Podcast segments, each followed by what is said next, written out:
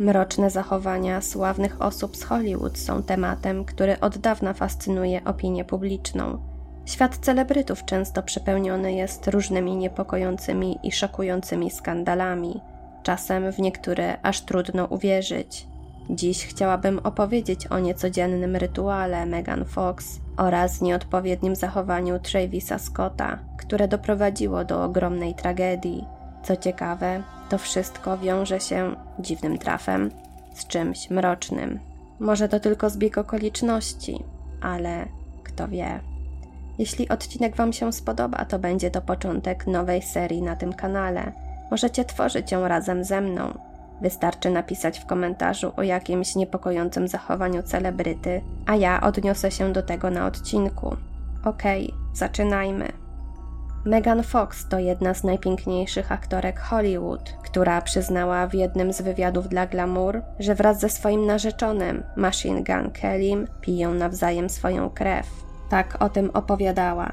Nie zdawaliśmy sobie sprawy z bólu, z jakim przyjdzie nam się zmierzyć w tak krótkim, szaleńczym okresie czasu. Nieświadomi pracy i wyrzeczeń, jakich wymagałby od nas związek, ale odurzeni miłością i karmą, w jakiś sposób półtora roku później, przechodząc razem przez piekło i śmiejąc się więcej niż kiedykolwiek, poprosił mnie o rękę. I tak jak w każdym życiu przed tym i jak w każdym, które nastąpi po nim, powiedziałam tak, a potem piliśmy sobie nawzajem krew. Ludzie wyobrażają sobie nas z pucharami, trochę jak z gry o tron, pijących wzajemnie swoją krew. To tylko kilka kropel, ale tak, od czasu do czasu spożywamy nawzajem swoją krew tylko w celach rytualnych. Okej, okay, to teraz pora na mój komentarz. Nie dziwi mnie odprawianie rytuałów, ale trzeba przyznać, że rytuały krwi są dość kontrowersyjne. W tej sprawie zabrała nawet głos społeczność nowoorleańskich wampirów, która przestrzegła zakochanych przed spontanicznym piciem krwi osoby bez uprzednich badań.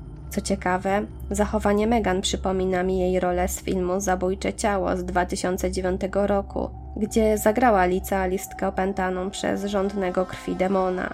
Uwodziła tam nawet chłopaka lubiącego styl emo, który trochę przypomina mi jej obecnego partnera. Chłopak z filmu ostatecznie zostaje zabity przez Megan, która pożywia się jego krwią, gdyż potrzebuje jej, by żyć.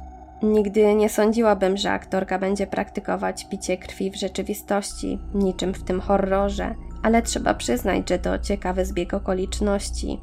Co o tym sądzicie? Mieliście podobne skojarzenia? Dajcie znać w komentarzach. Następną osobą, o której zachowaniu dziś opowiem, jest partner Kaylee Jenner, Travis Scott, muzyk. Wyobraźcie sobie, że jesteście sławni i właśnie odbywa się wasz koncert, tańczycie, śpiewacie i nagle wybuchają jakieś zamieszki. Ludzie się przepychają pod sceną, mdleją, upadają, krzyczą, wybucha panika. Co robicie? Większość artystów w takim przypadku, nawet mniej poważnym, przerywa na chwilę koncertowanie i zwraca się do publiczności, by pomóc takim osobom. Co robi Travis Scott? Dalej występuje jak gdyby nigdy nic i długo ignoruje to, co się dzieje pod jego sceną. Jaki to ma skutek? Osiem osób ginie, według niektórych źródeł dziesięć, a życie stracili młodzi ludzie, w tym także dziewięcioletnie dziecko. Chłopiec oglądał koncert siedząc na ramionach taty, jednak kiedy wybuchła panika, mężczyzna stracił przytomność, a chłopiec upadł na ziemię i został stratowany przez tłum ludzi. Coś strasznego. 300 osób zostało rannych. W jednym momencie Travis na chwilę przestaje rapować, po chwili dziękuję ratownikom i dalej występuje. Oczywiście nie można go winić za to, co wydarzyło się w tłumie, jednak gdyby zareagował stanowczo, zwrócił się do tłumu wcześniej, być może nie doszłoby do takiej tragedii. Ludzie z publiki zgłaszali mu problemy, wchodzili na scenę, więc artysta o nich wiedział. Niektórzy nawet głośno skandowali Stop the show, jednak nie przyniosło to żadnego skutku. Co dziwne, na koncercie było za mało ochroniarzy, zbyt mało jak na tak wielkie wydarzenie. Fani wdzierali się wejściem bez biletów, taranowali bramki, także na wydarzeniu było zbyt dużo osób, a to niestety może prowadzić do takich sytuacji, jaka miała miejsce na tym koncercie. Osoby, które brały w nim udział, wspominają, że było tam tak ciasno, że gdy ktoś podniósł ręce, to nie mógł ich już opuścić. Ludzie mdleli, bo nie było tam czym oddychać. Sama kiedyś pracowałam jako taka ochrona na różnych wydarzeniach, głównie meczach, i wiem, jak ważna jest odpowiednia ilość stewardów czuwająca nad tłumem, a także przestrzeganie wszystkich zasad bezpieczeństwa.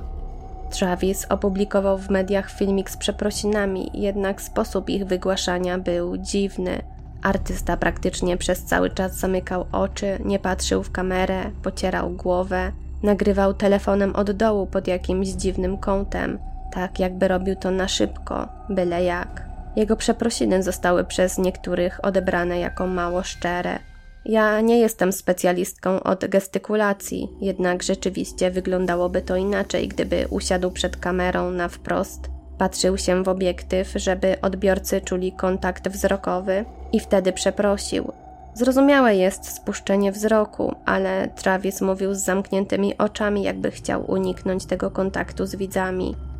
Co ciekawe, w 2015 roku Travis zatrzymał swój koncert, jak jeden z fanów zdjął mu buta z nogi. Gdy artysta go odzyskał, napuszczał fanów, by zaatakowali złodziejaszka.